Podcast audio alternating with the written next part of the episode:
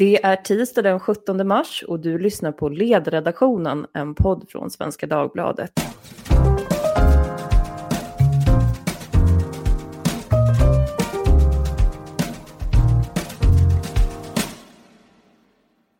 Jag heter Lydia Wåhlsten och idag ska vi fortsätta prata om coronaviruset. Det händer ju mycket saker hela tiden. Idag har den svenska regeringen hållit en presskonferens där man meddelat att man kommer stänga gymnasium, universitet och högskolor och låter barnen, eller de vuxna barnen, gå över till distansundervisning.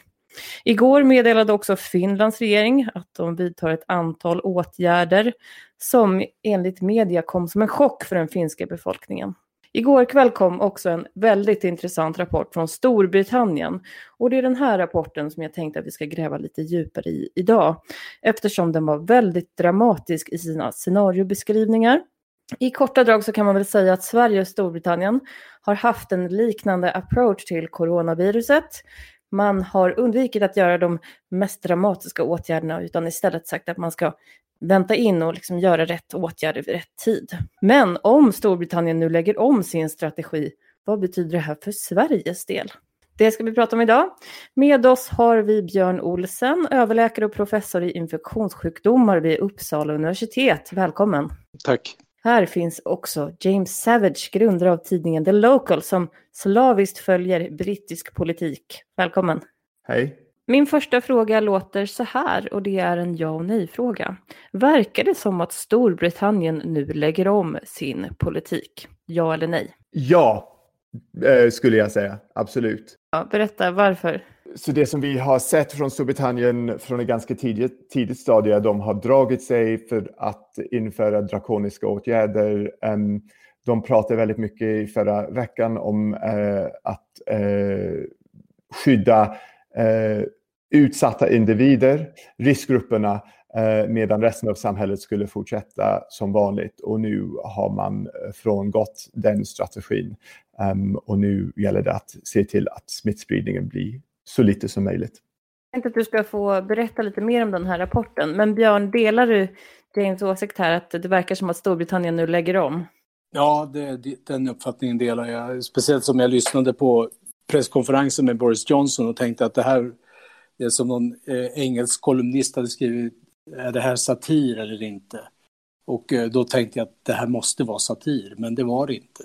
Utan då tänkte jag att det var oerhört vågat gjort att gå ut med den typen av rekommendationer man hade i samband med den här presskonferensen. och Att det kommer att få eh, enorma konsekvenser om man genomför den politiken. Det var i princip att man skulle vänta in herd immunity, eller flockimmuniteten och att eh, man, man vill inte införa de här extrema åtgärderna med, med, eh, med eh, eh, smittspårning och sådana saker eller karantänsättningar utan det var mer att man skulle bara försöka begränsa det så mycket det gick och sen så skulle det här, eh, våran flockimmunitet så att säga, hjälpa till att hålla sjukdomen i schack så småningom.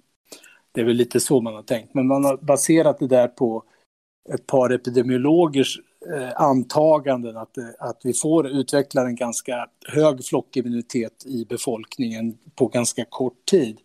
Eh, och det där fick de ju på skallen för, minst sagt, av, bland annat av Lancets chefredaktör och ungefär 200 andra forskare som sa att den här strategin är helt fel.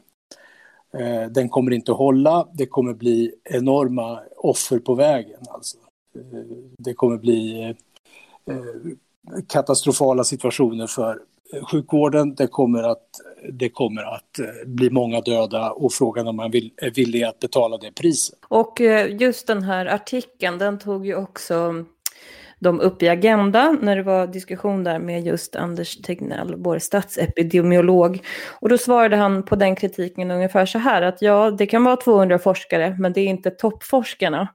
Utan toppforskarna, de har stått för den här första flockimmunitetsstrategin. Mm. Det kan man väl kanske tycka, men även det eh, uttalandet är ganska dåligt underbyggt. För jag kan säga att England är väl det epidemiologtätaste landet i världen, misstänker jag. Det kanske finns något annat som har flest. Men, eh, England torde väl vara nummer ett i alla fall. Och de har många toppforskare. Och när man börjar få en diskussion mellan olika toppforskare eh, och även Lancets chefredaktör, då ska man nog eh, eh, hålla i, hold your horses, som man säger. Hålla igen lite grann och så fundera en gång till. Paradoxalt nog kan man väl säga då att eftersom att Anders Tegnell var så tydlig på just den här punkten och att den här artikeln då diskuterades kan man väl säga att det band lite ris åt svensk rygg nu för diskussionen som kommer följa nu. James, jag tänkte att du kan väl berätta lite mer om själva rapporten. Ja, så rapporten kom från um, Imperial College uh, London, så en av de uh, största uh, vetenskapliga universiteten i Storbritannien, en med väldigt, eh, väldigt gott eh, renommé. Um, men eh, de de kom fram till att det som man tidigare sett vara den värsta Alltså, alltså, worst case scenario, att det som skulle hända i värsta fall var nu det mest sannolika utfallet. Så de, de frångick det som eh, britterna hade tidigare eh, antagit. Um, och därmed så eh, rekommenderade de ändrade eh, åtgärder, att man behövde mycket snabbare och Eh, mer drakoniska åtgärder än man tidigare hade eh, antagit. Eh, en eh, del av, av den de grundläggande planen som, som britterna hade baserades på, om, um, på, på antagandet att det skulle vara en, en influensapandemi um, ehm, och man kanske inte hade, hade inte tagit um, hänsyn i tillräckligt stor utsträckning till uh, antalet uh, i Italien och Kina som behövde intensiv vård och uh, vilket tryck det här viruset skulle, skulle, skulle sätta på in, intensiv vård, om jag har förstått det rätt. Mm. Rent politiskt, jag menar, eh, Boris Johnson har fått mycket beröm för den här första presskonferensen för att de var så otroligt tydliga och pedagogiska då i kontrast till exempel Sverige så motiverade man verkligen vad man skulle göra och man la också fram en tidplan när nya åtgärder skulle sättas in. Eh, är det här ett problem nu för Johnson att han måste lägga om sin strategi? Eh, delvis, ja. Alltså, det, det finns, eh, regeringen var alltid tydlig med att eh, det här var en, eh, en situation som utvecklades och de skulle behöva ändra eh, sin, sin strategi eh, allt eftersom. Men eh, Johnson har också fått väldigt mycket kritik. Eh, dels efter det här på, på grund av att eh, han gick ut och pratade det, att, att väldigt många skulle dö. att det var att, att när han pratade om flockimmunitet var det även för lekmän någonting som man Eh, även om man inte var bekant med vetenskapen bakom det så var man ändå um, skeptisk mot hela, he, hela tanken. Det var ingenting som gick hem i stugorna och så att säga. Um, så, så ja, det, det var ett eh, problematiskt för Boris Johnson. Också kommunikationen har varit ett problem. Uh, de, uh, att man, har, man hade det här väldigt uh, bra presskonferens kanske, var, var många som tyckte. Men sen började man också kommunicera um, Eh, Eh, utöver det genom anonyma källor, anonyma regering, regeringskällor som pratade med, uh, med, med enskilda journalister. Um, och det um, fick uh, väldigt mycket kritik när man gick ut och pratade uh, om hur regeringens strategi skulle kunna utvecklas framåt. Så, så just en otydlighet um, och en, en, en, en avsaknad av transparens i en del av kommunikationen har de fått kritik för. Mm. Och det verkar ju gå igen i många länder att det är medborgarna upplever det och det är väl lite grann ett helt nytt scenario i en ny tid kommunikationsmässigt också. Men bara för att säga någonting från den här rapporten så kan man säga att den slog fast då att om nuvarande strategi skulle ligga fast så skulle vi kunna prata om hundratusentals döda. Och då är min fråga till Björn, vad betyder det för svensk del eh, att Storbritannien nu verkar lägga om sin strategi?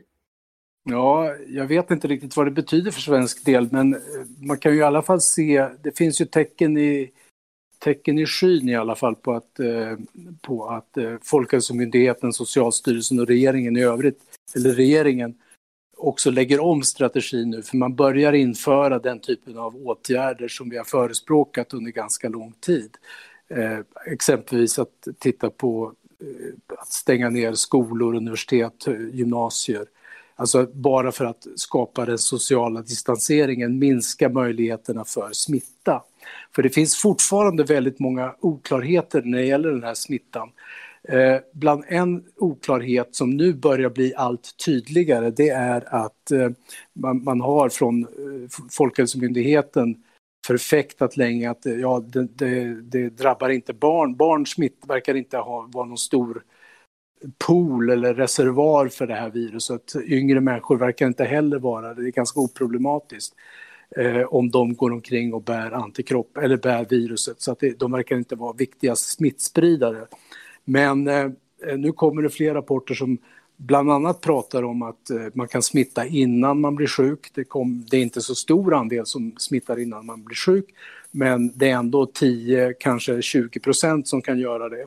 Och det är framförallt yngre individer som gör det. Så att eh, där finns det en risk att de kan då gå omkring och eh, sprida smittan vidare, hålla igång en smittcykel så att säga. Eh, och eh, det är det ena och det andra nu det är som att man också gick ut med, förutom skolor och universitet, det var igår att man i princip man säger inte orden karantän, men man säger att man ska isolera sig från de äldre. Även det är ju ett ganska radikalt drag från, eh, från myndigheterna, att man säger att man ska isolera sig från de äldre.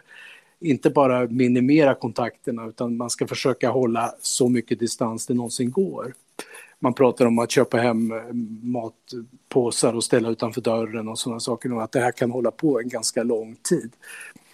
Eh, hela det här resonemanget i Boris Johnsons och epidemiologernas tankevurpa, det är att vi har så, eh, vi kommer att utveckla en, en flockimmunitet som kommer att ska vi säga, stoppa virusets framfart. Och den, det antagandet bygger på ungefär på influensascenariot som du beskrev tidigare. Eh, att vi snabbt får antikroppar, en stor del av befolkningen får antikroppar, kanske upp mot 50-60 procent får antikroppar mot, det, mot ett virus och då kommer viruset naturligt att sjunka undan på grund av att det kan inte infektera fler att det blir svårt för viruset att infektera fler. Men Neil Ferguson som är på, just på Imperial College, han har ju suttit och modellerat det här både fram och baklänges, så jag skulle säga att han är väl en av de absolut vassaste epidemiologerna som finns överhuvudtaget. Och han räknar med att ja, det kanske är så att det är 50 procent som vi diagnostiserar och så är det 50 procent som vi inte diagnostiserar. Så det vill säga om vi diagnostiserar tusen så finns det tusen till där ute som vi inte diagnostiserar av olika skäl. Så flockimmuniteten, det vill säga smittan, är kanske inte mer spridd än så. Det är inte så att som i influensa att man kan vara 20 000 är smittade medan 1 000 utvecklar en svår sjukdom som man måste behandla eller göra någonting åt.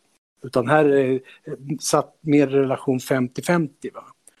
Och då kommer det innebära att det tar oerhört lång tid för, eh, för en population människor att upparbeta en flockimmunitet. Det handlar om år, sannolikt. Jag såg att någon hade gjort en uppskattning att det skulle handla om 11 år tror jag för, för svensk del. Något sånt där. Ja, typ för svensk del. Och det är ju, jag menar, det är ju fullständigt omöjligt scenario. Det, det, det, förstår ju vem som helst att det går inte. Men samtidigt, det verkar så här, vad är det som har hänt då? Jag menar, Sverige och Storbritannien har haft samma strategi. Vad var det som var annorlunda mellan de här länderna i helgen då? Eller då, då betraktar man det som att vi hade ungefär liknande scenario och nu är det helt annorlunda. Vad är det för någonting som har tillkommit här? Det är bland annat hur, hur hårt sjukvården drabbas. Och trots att en ganska liten andel av befolkningen är smittad så drabbas sjukvården väldigt, väldigt hårt. Och dessutom att vi inte bygger upp en bakgrundsimmunitet i flocken som på tillräckligt snabbt för att kunna stoppa viruset i tid. Om man börjar prata om 11 år, då är det ju ett helt hopplöst scenario och då måste man gå in mer aktivt med smittspårning och isolering. Den typen av åtgärder för att få stopp på det här till varje pris då kan vi inte följa den kurva som vi följer nu, den som är på väg mot Italien eller den franska situationen. Då måste vi vika av. Och då måste vi följa den sydkoreanska kurvan där, vi, där man fick en väl utvecklad samhällsspridning i Sydkorea, men genom nästan drakoniska åtgärder och väldigt intensiva smittspårningsåtgärder lyckades vända det här. Vad gör du för övergripande bedömning? Du har ju varit kritisk i flera veckor nu mot hur regeringen och myndigheterna har valt att hantera coronaviruset. Ehm, att spela ner risken för spridning i Sverige gör att vi inte förbereder oss, sa du för en och en halv vecka sedan. Ja, det sa jag kanske för en och en halv månad sedan till och med. Men ja, nej, men eh, det första... Det, det, den första intervjun som jag hade överhuvudtaget med media, det var ju, jag tror det var 12 eller 13 januari, då sa jag att det här kommer bli en pandemi. Och eh, då blev det ett, eh, då blev det en, eh, ja, det mottogs inte så väl kan jag säga att det här skulle bli en pandemi. Men det kan ju nästan vem som helst förstå som håller på med den här typen av virus och hållit på med det i 25 år. Eh, att ett virus som plötsligt dyker upp i Kina eller någon annanstans och beter sig på det här sättet kommer att slita sig ur bojorna och förflyttas över världen. Speciellt när det är en och en halv till två miljarder människor som reser varje år över, över gränserna. Så ska man följa pandemispridningen här så följer man bara flygrutterna egentligen. Så det var, inte någon, det var ingen rocket science att räkna ut att det skulle bli en pandemi, speciellt inte med tanke på hur pass smittsamt det verkade vara i vissa grupper.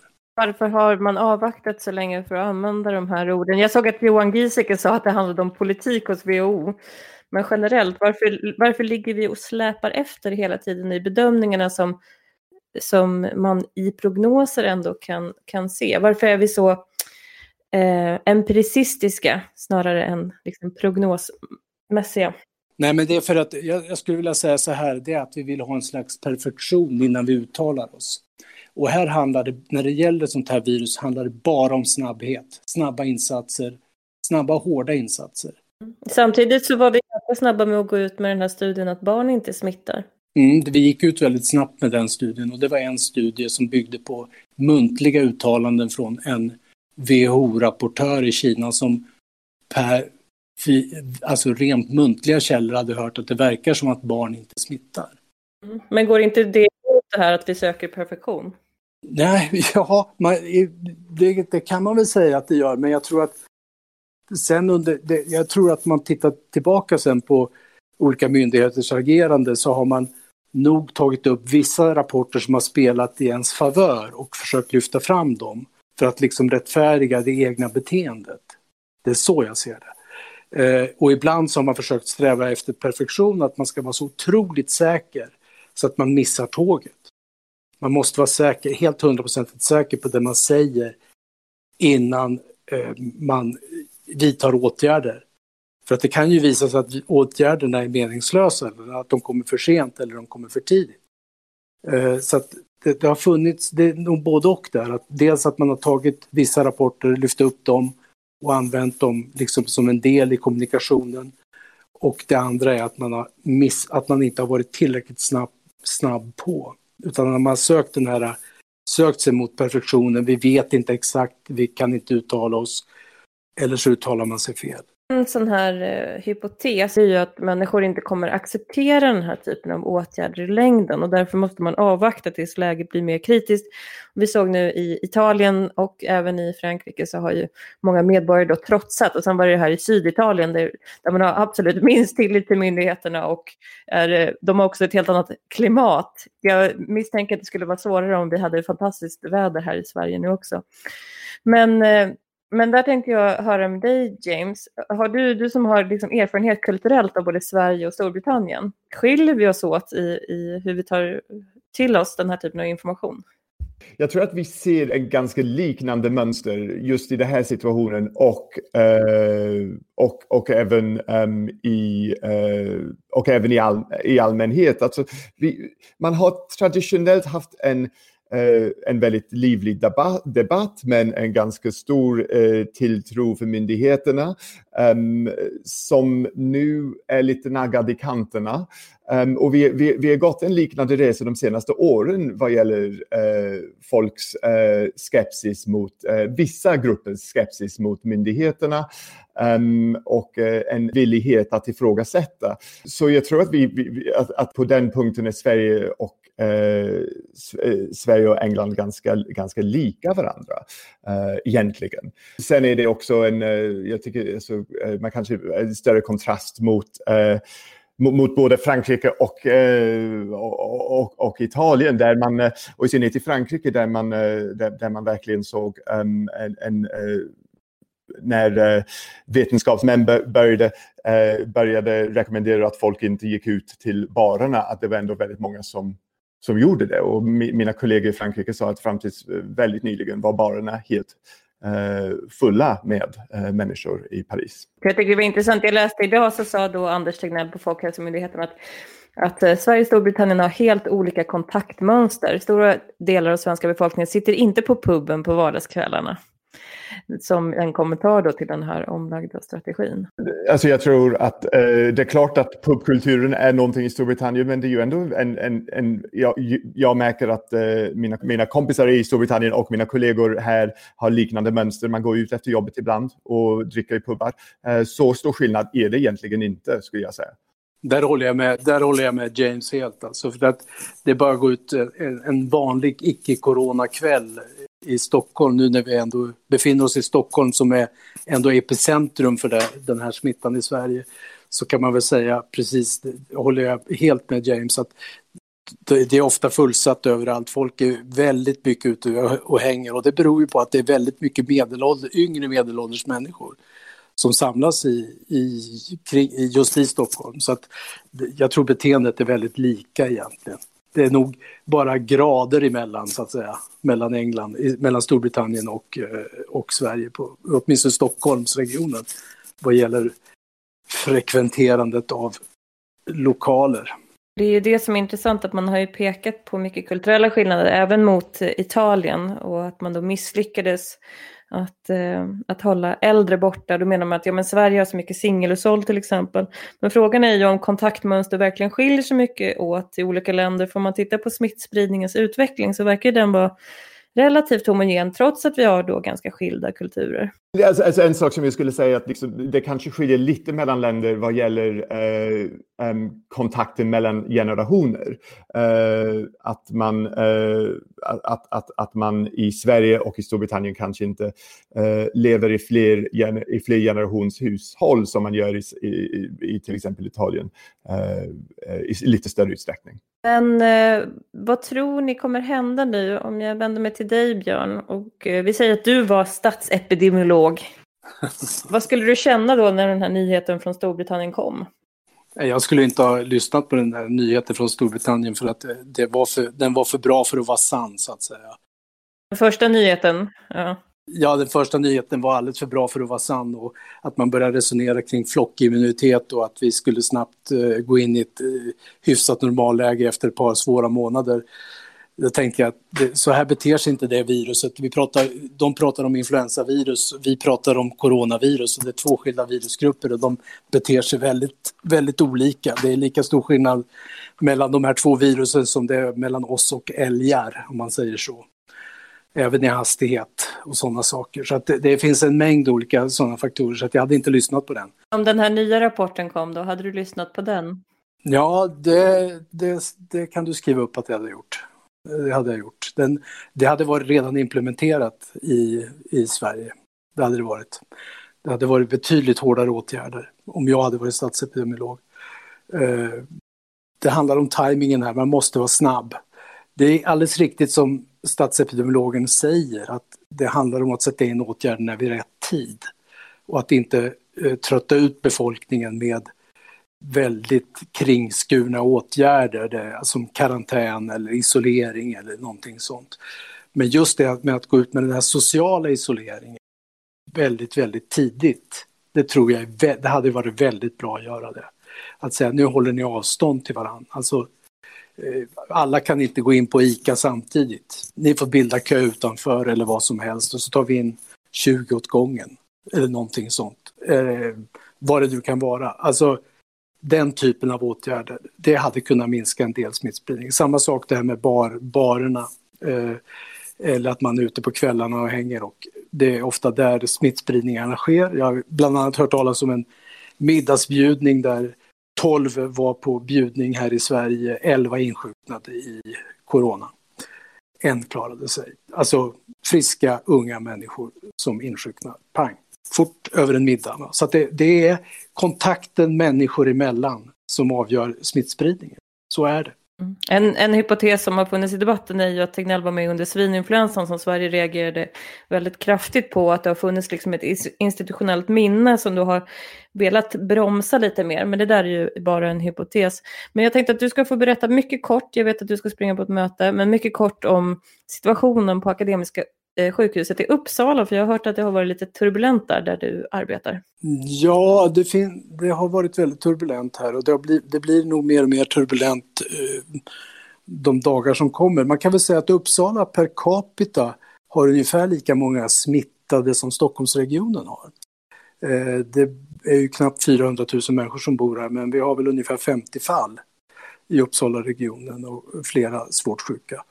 Eh, och dessutom så märk, det finns ett par doktorer här på sjukhuset på infektion som driver frågor kring det här väldigt hårt just nu. De, har, de sitter i något som de kallar the war room i princip och driver, piskar sjukhuset framför sig och sjukhuset håller emot.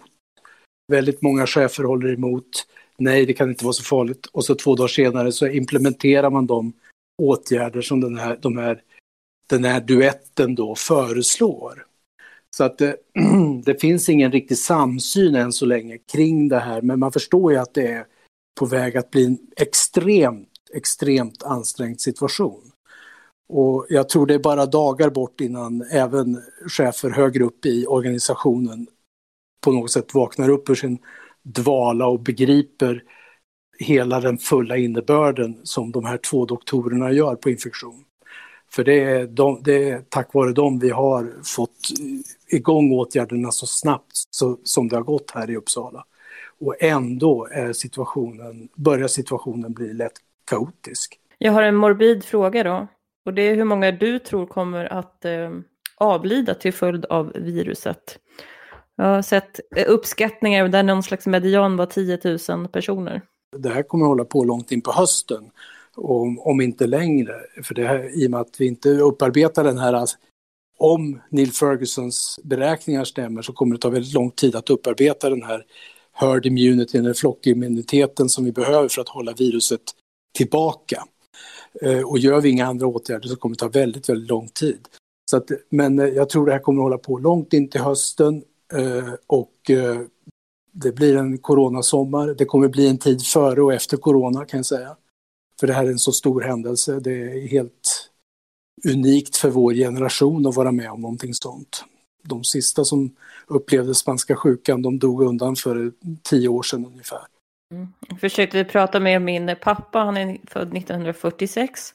Och, och vad som har hänt i Sverige, vi drev mjölkgård då under Tjernobyl. Och det täcket lades ju precis över Västmanland där vi bodde. Och han sa att det här går ju inte att jämföra ens med Tjernobyl, för att då var det ju ingen som dog. Det var klart man var tvungen att göra åtgärder, men, men det, den här typen av stämning är helt unik för Sverige, i alla fall i liksom modern tid. Det är det. det, är det. I Storbritannien pratar man om eh, den närmaste jämförelse andra världskriget. Nu är Storbritannien i och för sig all, all, alldeles besatt av andra världskriget, men det ligger någonting i det. Det är en, samhäll... det, det, det, det, är en kris genom hela samhället eh, och vi ser att det kommer påverka alla delar av våra liv eh, under lång tid framöver. Det, det, går inte att komma ifrån det, så som det ser ut i, idag. Men givet att det kommer att utvecklas så här då, vad, det här är min sista fråga. Om, om ni fick önska er någonting vad vore det av regeringen? Ja, alltså jag vet inte om man kan... Nu, nu är det så att det här viruset har sin egen tidtabell. Eh, och det har sin egen eh, trajectory så att det, det, är svårt att önska något specifikt av regeringen just nu förutom, jag vet inte. Eh, ja, en sak som är väldigt, väldigt viktig och det är en klar och tydlig signal. Vi ska inte bara skydda de äldre. Skyddar vi inte vårdpersonalen så eh, kommer det här bli eh, svårt. Mycket svårt för att inte säga rent ut sagt helvetiskt. Så vårdpersonal måste skyddas. Vår, skyddsutrustning till vårdpersonal i alla kategorier som jobbar med människor. För idag kan i princip vem som helst vara en smittspridare. Mm. Vi har ju sett nyheter idag på, om ett äldreboende där där många har insjuknat nu för att personalen har varit, och det är väl en typisk sån grupp som man kan tänka sig faktiskt skulle ha lite bättre skydd. Absolut, och jag menar maximala resurser till vården det gäller, och framförallt vårdpersonal, och det snabbt. Det behövs skyddsutrustning, det behövs eh, provtagningsinstrument, allting sånt behövs. Det, och det måste ske nu, helst igår. Uh, James, du ska få avsluta, men jag ska säga vad jag önskar mig också. Och jag har ju då varit ute på stan idag och sett en massa pensionärer. Och då funderar man ju på varför är de här ute i så stora grupper? Och då tänker jag antingen har de inte kunskap eller så ignorerar de eh, rapporterna eller så är de så ensamma och inget av de här scenarierna är ju särskilt bra. Men jag skulle vilja att regeringen var ännu tydligare än vad man har varit kring vilka risker man faktiskt utsätter sig för som äldre om man är ute i grupp på det sättet som jag då fortfarande såg att man var här i Stockholm. Och med det, James, avsluta. Ja, vad jag skulle önska mig är ännu tydligare eh, signaler till eh, företag och till övriga samhället. Eh, och, och med, med, detta liksom, så, så, tycker jag absolut att, de, eh, att eh, insatserna i häl hälsovård och sjukvård som, som ni nämner är väldigt viktiga. Men, men just för att kunna bevara så mycket som möjligt av näringslivet och samhället som, så att när vi får en vaccin eller när vi, vi kan liksom släppa på de sociala skyddsåtgärder, att vi har någonting att återgå till helt enkelt. Och med det så får jag säga stort tack till Björn Olsen, överläkare och professor i infektionssjukdomar vid Uppsala universitet och James Savage, grundare av tidningen The Local. Ni som har lyssnat hör gärna av er som vanligt på ledarsidan svd.se. Hej då!